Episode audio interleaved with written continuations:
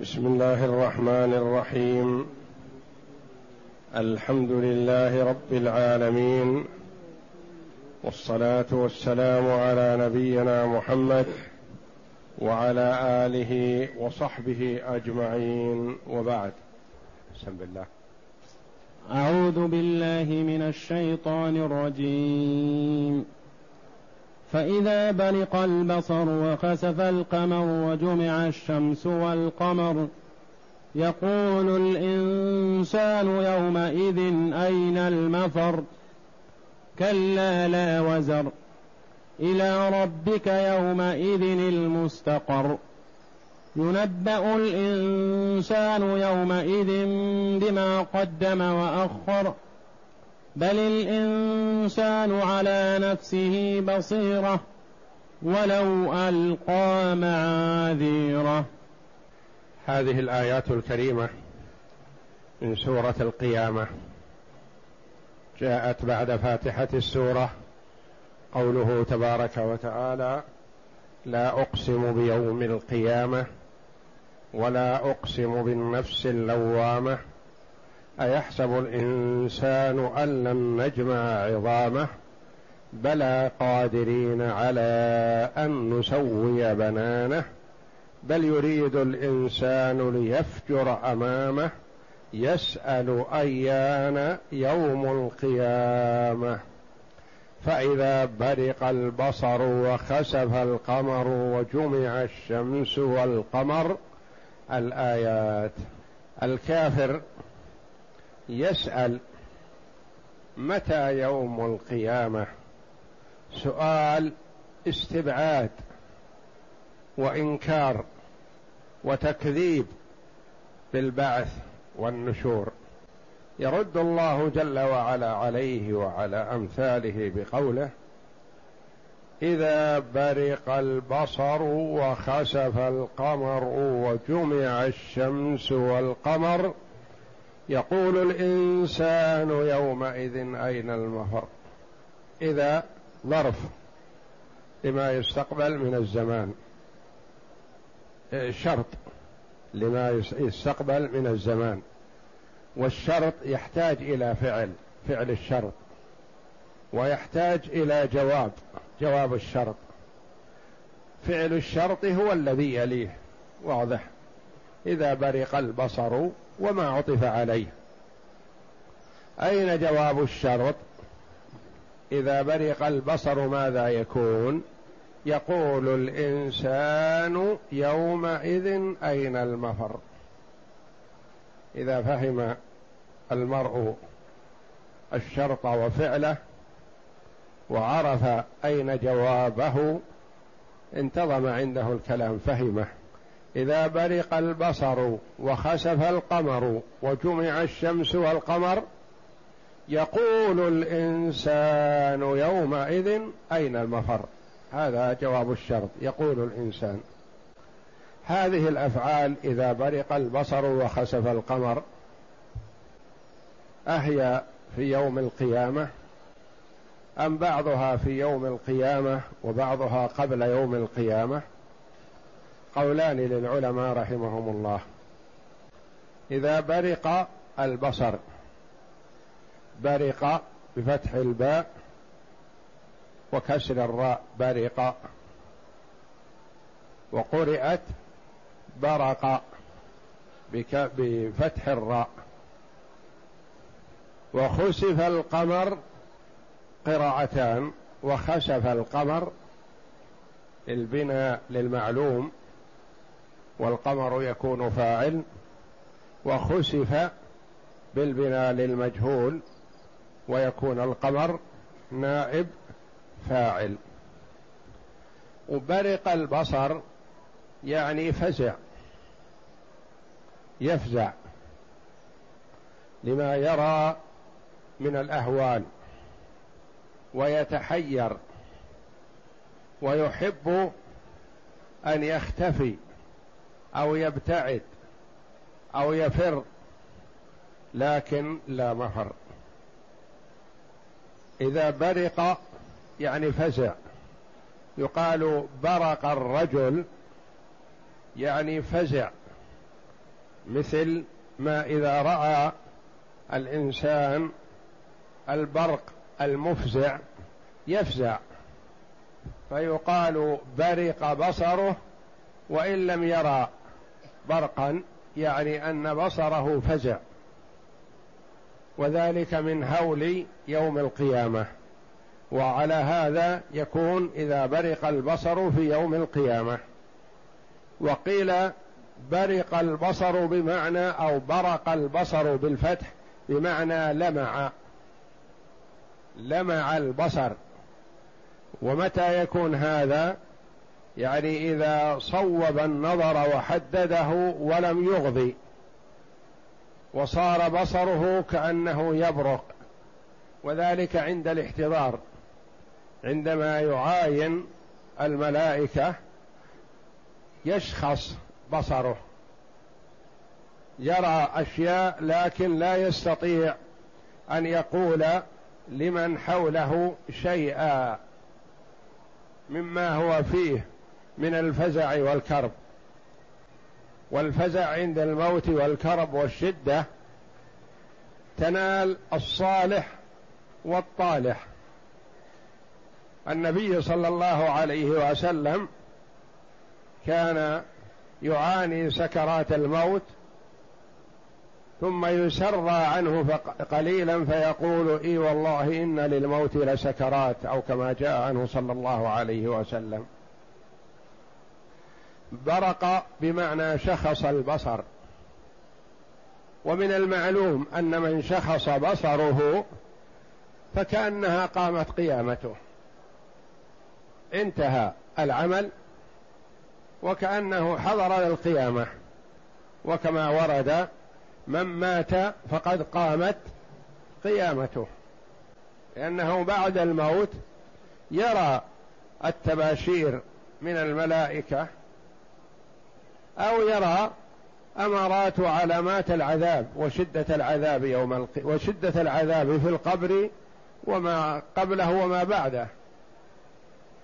لأنه المرء يدري عن حاله بعد الموت.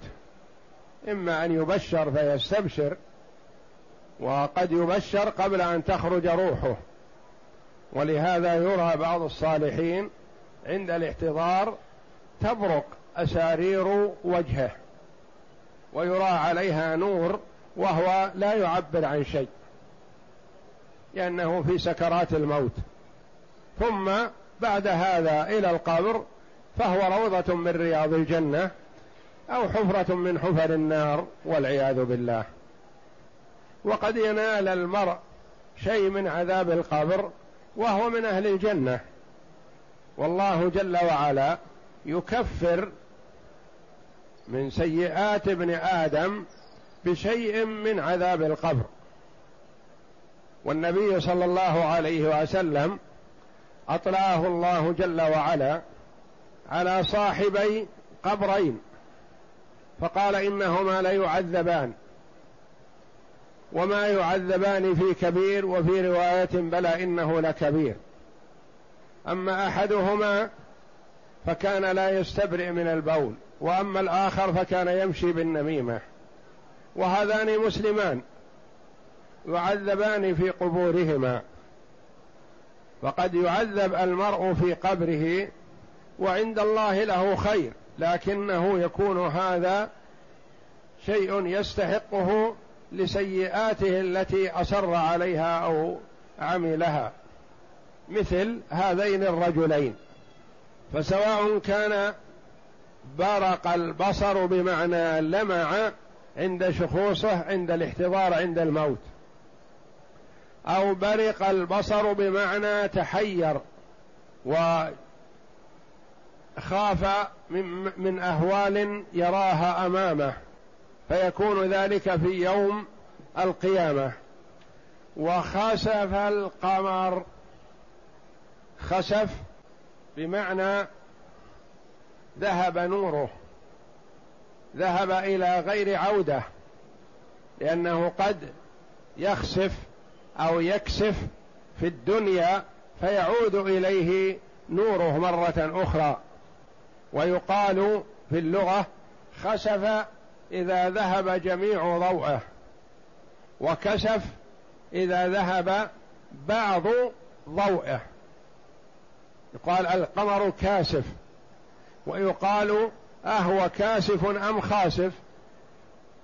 خاسف يعني ذهب ضوءه كله وكاسف ذهب بعض نوره وبقي بعض وخسف القمر وذلك يوم القيامة حينما يخسف بالقمر ويلف مع الشمس ويرمى بهما في البحر.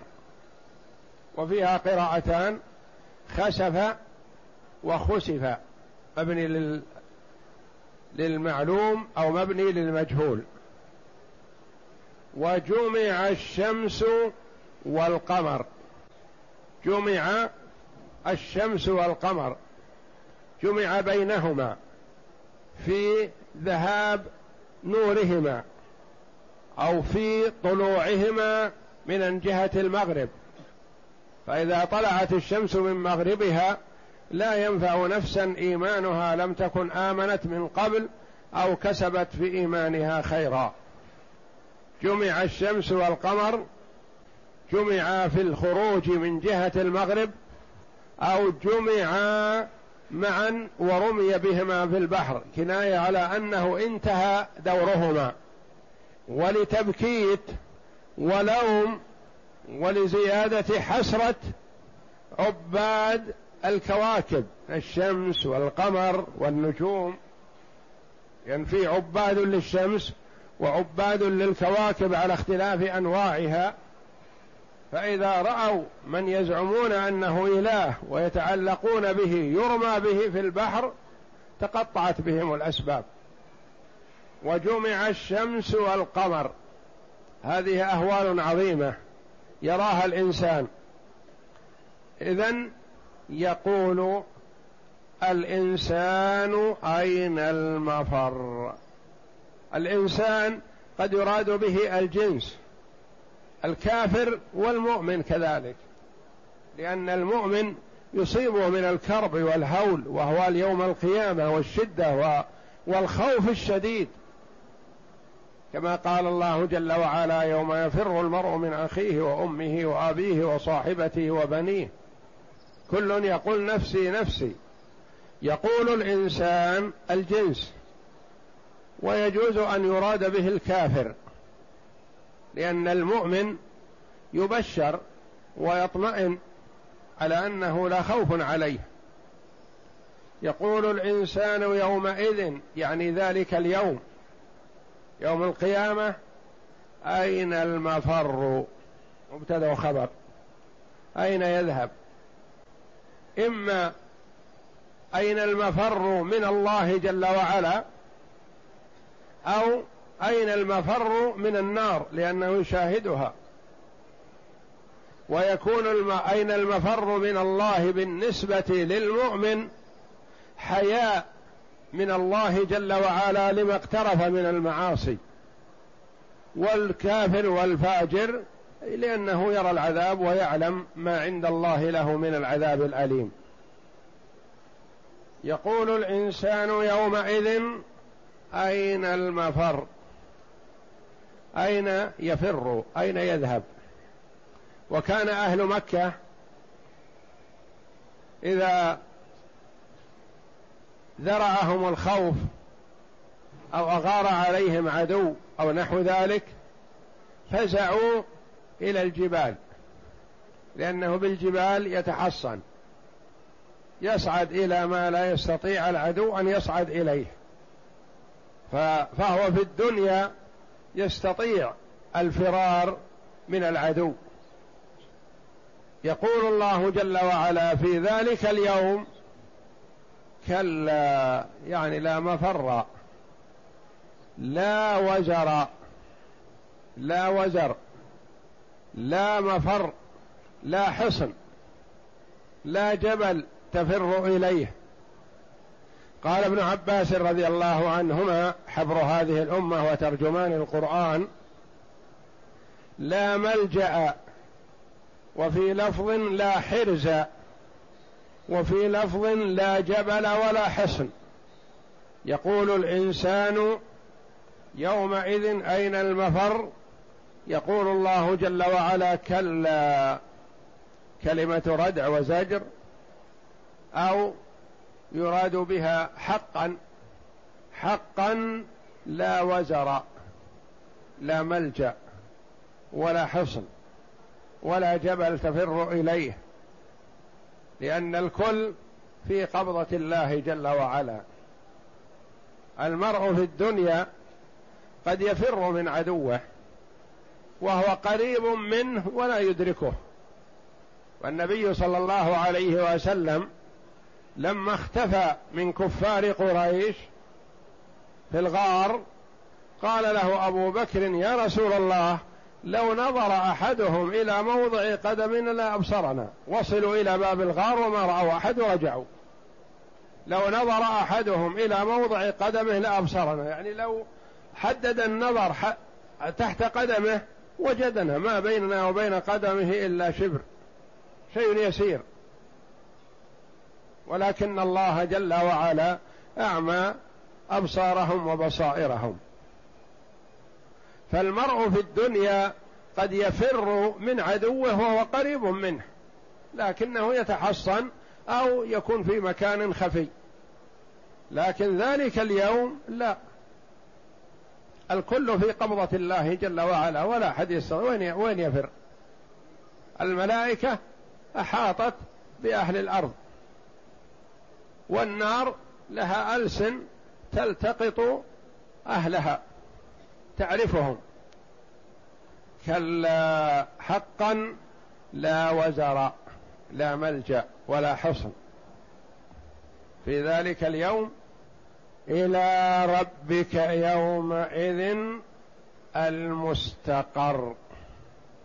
مقر الجميع إلى الله. كلهم يتوجهون إلى جهة واحدة إلى الله تبارك وتعالى. ما أحد يستطيع أن ينخنس أو ينحرف أو يميل يمينا أو شمالا. إلى الله المرجع والمنتهى والمصير لا إلى غيره وهو الحكم بين العباد سبحانه وتعالى. وقوله فإذا برق البصر قرأ أبو عمرو بن العلاء برق برق بكسر الراء أي حار وهذا الذي قاله شبيه بقوله تعالى لا يرتد إليهم طرفهم. أي بل ينظرون من الفزع يعني إذا شخص بصره ما يغضي ما يغضي بطرفه وإنما شاخص باستمرار من من هول الموقف. نعم. أي بل ينظرون من الفزع هكذا وهكذا لا يستقر لهم بصر على شيء من شدة الرعب. وقرأ آخرون برق بالفتح وهو قريب في المعنى من الأول. والمقصود أن الأبصار تنبهر يوم القيامة وتخشع وتحار وتذل وتذل من شدة الأهوال. ومن عظم, ومن عظم ما نشاهده يوم القيامة من الأمور وقوله تعالى وخسف القمر أي ذهب ضوءه. وجمع الشمس والقمر. قال مجاهد جمع ولم يقل جل وعلا جمعت. لأن المؤنث الشمس تأنيث مجازي وهو فعل الفاعل ظاهر. وإذا كان المؤنث مجازي والفاعل ظاهر فإنه يجوز في الفعل التأنيث وعدمه. تقول طلعت الشمس وطلع الشمس. ثم إن هنا الشمس مؤنث والقمر مذكر. فغلب جانب التذكير فقال اجعل وجمع الشمس والقمر. أو هما بمعنى جمع النيران اللذان هما الشمس والقمر فيكون كأنه مذكر ولا مؤنث. نعم. قال مجاهد كور وقرأ ابن زيد عند تفسير هذه الآية إذا الشمس كورت وإذا النجوم انكدرت. وروي عن ابن مسعود أنه قرأ وجمع بين الشمس والقمر وقوله تعالى يقول الإنسان يومئذ أين المفر؟ أي إذا عاين ابن آدم هذه الأهوال يوم القيامة حينئذ يريد أن يفر ويقول أين المفر؟ أي هل أين يذهب؟ أين يذهب؟ لا جبل ولا شجر ولا حجر يختفي به أين المفر؟ نعم. أي هل من ملجأ أو موئل؟ قال الله تعالى كلا لا وزر. إلى ربك يومئذ المستقر. قال ابن مسعود وابن عباس وسعيد بن جبير وغير واحد من السلف أي لا نجاة. وهذه الآية كقوله تعالى ما لكم من ملجأ يومئذ وما لكم من نكير. أي ليس لكم مكان تتنكرون فيه. وكذا يعني تختفي فيه. تتنكر تختفي فيه عن عدوك أو لا يعرفك من يطلبك. ما فيه مفر. نعم. وكذا قالها هنا لا وزر. أي ليس لكم مكان تعتصمون فيه. ولهذا قال إلى ربك يومئذ المستقر. أي المرجع والمصير. ثم قال تعالى ينبأ الإنسان يومئذ بما قدم وأخر. ينبأ الإنسان ينبأ يخبر بما قدم وأخر. يخبر بأعماله كلها. وما المراد بالمقدم والمؤخر؟ قيل ينبأ بما قدم وأخر بما قدم من العمل في أول عمره وبما أخره في آخر عمره وقد يكون بينهما مسافة بعيدة. وزمن طويل فهو ينبأ بالأول والأخير على حد سواء. والإنسان قد ينسى في آخر عمره أول عمله فينبأ به ويذكر به بساعته. عملت يوم كذا وكذا كذا وكذا. ينبأ الإنسان بما قدم يومئذ بما قدم وأخر أو بما قدم من الأعمال السيئة. وبما أخر من الأعمال الصالحة يعني أنه سارع في الأعمال السيئة بدأها وبدأ بها وأنجزها وسوف لنفسه وأمهل في الأعمال الصالحة بعد. باغته الأجل قبل أن يتمكن قبل أن يأتي بالعمل الصالح. يقدم ينبأ الإنسان يومئذ بما قدم من الأعمال السيئة أو وبما أخر من الأعمال الصالحة فيتأسف على ذلك. يقدم ينبأ الإنسان يومئذ بما قدم وأخر بما قدم عمله في حال حياته وبما أخر مما سنه من سنة حسنة أو سيئة. لأن من سن سنة حسنة فله أجرها وأجر من عمل بها إلى يوم القيامة من غير أن ينقص من أجورهم شيء. ومن سن سنة سيئة فعليه وزرها ووزر من عمل بها إلى يوم القيامة من غير أن ينقص من أوزارهم شيء. ولذا جاء في الحديث ما من قتيل يقتل إلا وعلى ابن آدم الأول كفل من وزره. لأنه هو أول من سن القتل. ينبأ الإنسان بما قدم ينبأ يخبر بما عمله من الأعمال التي قدمها حال حياته وبما أخرها ما كانت نتيجة لعمله بعد مماته. هو قد لا يعلم عنها. يكون مات ولا يعلم عنها لكنه شرع هذا العمل الحسن فعمل به من بعده فيأخذ ثماره. وأجره من غير أن ينقص من أجر العامل شيء. أو العكس والعياذ بالله يكون دعا إلى سنة سيئة وعمل سيء فيكون عليه مثل أوزار من عمل به من بعده. ينبأ الإنسان يومئذ بما قدم وأخر يعني لا يخفى شيء. يطلع على جميع أعماله. ويقرر بها فيقر بها. نعم. أي يخبر بجميع أعماله قديمها وحديثها أولها وآخرها صغيرها وكبيرها. فمن يعمل مثقال ذرة خيرا يره ومن يعمل مثقال ذرة شرا يره. نعم. قال تعالى ووجدوا ما عملوا حاضرا ولا يظلم ربك أحدا. وهكذا قالها هنا بل الإنسان على نفسه بصيرة ولو ألقى معاذيره. أي هو شهيد على نفسه عالم بما فعل بل الإنسان على نفسه بصيرة. بل الإنسان على نفسه بصيرة. هو بصير بنفسه شاهد على نفسه. ورد جاء في الحديث أن الله جل وعلا يخبر عبده باليوم القيامة بأنه لا يظلمه. فيتصور العبد أنه حان له حينئذ الإنكار وحسن الإنكار. فيقول يا ربي إنك وعدتني ألا تظلمني وإني يا ربي لا أقبل شهيدا علي إلا من نفسي. يعني إقراري. ما أرضى إلا باقراري فقط وأما شهادة الملائكة أو شهادة المسلمين بالخير أو بالشر ما أقبلها. فيقول الله جل وعلا لك ذلك. فيختم الله على فيه وتنطق جوارحه. تنطق جوارحه. فكل واحد ينطق بما فعل. ينطق اللسان بما فعل تنطق اليد بما فعلت تنطق القدم بما فعلت ينطق الفرج بما فعل وهكذا. بل الإنسان على نفسه بصيرة.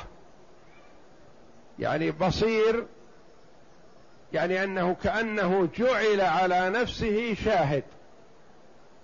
يوضحها أكثر قوله تعالى ولو ألقى معاذيره المعاذير في لغة لغة أهل اليمن الستور. ولو ألقى معاذيره يعني ألقى الستور. ستر نفسه عند فعل المعصية. وأرخى الستور على نفسه. يظن أنه لن يطلع عليه. بينما الشهود معه. داخلون معه في داخل الستر. يوم القيامة تنطق هذه وتخبر بما فعلت تلك اللحظة. بل الإنسان على نفسه بصيرة شاهد على نفسه ولو اختفى عن الناس كلهم ولو ألقى معاذيره. وقيل المراد بالمعاذير المعذرة لأن الأعذار تقبل في الدنيا ويعفو الله جل وعلا. وإذا ادعى المرء الجهل أو عدم العلم أو التلاعب من الشيطان به ونحو ذلك فاعتذر إلى ربه قبل منه جل وعلا العذر. كما قبل جل وعلا من آدم وحواء وقبل جل وعلا من موسى لما اعتذر إلى ربه في تقبل المعاذير. إذا تقدم العبد لربه جل وعلا طالبا المغفرة واعتذر إلى ربه غفر الله له. لكن في الدار الآخرة في يوم القيامة ما تقبل الأعذار. الأعذار انتهى وقتها في الدنيا وأما في الآخرة فلا يقبل عذر. بل الإنسان على نفسه بصيرة ولو ألقى معاذيره لا تقبل. أو ولو ألقى معاذيره ستوره واستتر عن الأعين فإن معه من يشهد عليه بذلك. اقرأ. أي هو شهيد على نفسه عالم بما فعله. ولو اعتذر وأنكر كما قال تعالى اقرأ كتابك كفى بنفسك اليوم عليك حسيبا. وقال علي بن أبي طلحة عن ابن عباس بل الإنسان على نفسه بصيرة. يقول سمعه وبصره ويديه ورجليه وجوارحه. وكما قال الله جل وعلا يوم تشهد عليهم ألسنتهم وأيديهم وأرجلهم بما كانوا يعملون. نعم. وقال قتادة شاهد على نفسه. وفي رواية قال إذا شئت والله رأيته بصيرا بعيوب الناس وذنوبهم غافلا عن ذنوبه. وكان يقال إن في الإنجيل مكتوبا يا ابن آدم تبصر القذاة في عين أخيك وتترك الجذع في عينك لا تبصره. والها في بصيرة قيل هي ها المبالغة مثل علامة وفهامة ونحو ذلك من صيغ المبالغة فهي يؤتى بها لا للتأنيث. يقال العلامة فلان مثلا ما وهو مذكر فالتاء هذه تسمى تاء المبالغة. وقيل المراد بل الإنسان على نفسه بصيرة عليه بصيرة عليه مبصر مطلع. وهما الملكان اللذان عن يمينه وعن شماله. ملكان أحدهما يكتب الحسنات والآخر يكتب السيئات. ما يلفظ من قول إلا لديه رقيب عتيد. نعم. وقال مجاهد ولو ألقى معاذيره ولو جادل عنها فهو بصير عليها. وقال قتاده ولو ألقى معاذيره ولو اعتذر يومئذ بباطل لا يقبل منه. وقال السدي ولو ألقى معاذيره حجته وكذا قال ابن زيد والحسن البصري وغيرهم واختاره ابن جرير. وقال قتادة عن زرارة عن ابن عباس ولو ألقى معاذيره يقول لو ألقى ثيابه. وقال الضحاك ولو ألقى ستوره وأهل, وأهل اليمن يسمون الستر المعذار. والصحيح قول مجاهد وأصحابه. كقوله تعالى ثم لم تكن فتنتهم إلا أن قالوا والله ربنا ما كنا مشركين. وكقوله تعالى يوم يبعثهم الله جميعا فيحلفون له كما يحلفون لكم ويحسبون أنهم على شيء ألا إنهم هم الكاذبون. وقال العوفي عن ابن عباس ولو ألقى معاذيره هي الاعتذار ألم تسمع أنه قال لا ينفع الظالمين معذرتهم وقال وألقوا إلى الله يومئذ السلم فألقوا السلم ما كنا نعمل من سوء وقولهم والله ربنا ما كنا مشركين والله أعلم وصلى الله وسلم وبارك على عبده ورسول نبينا محمد وعلى آله وصحبه أجمعين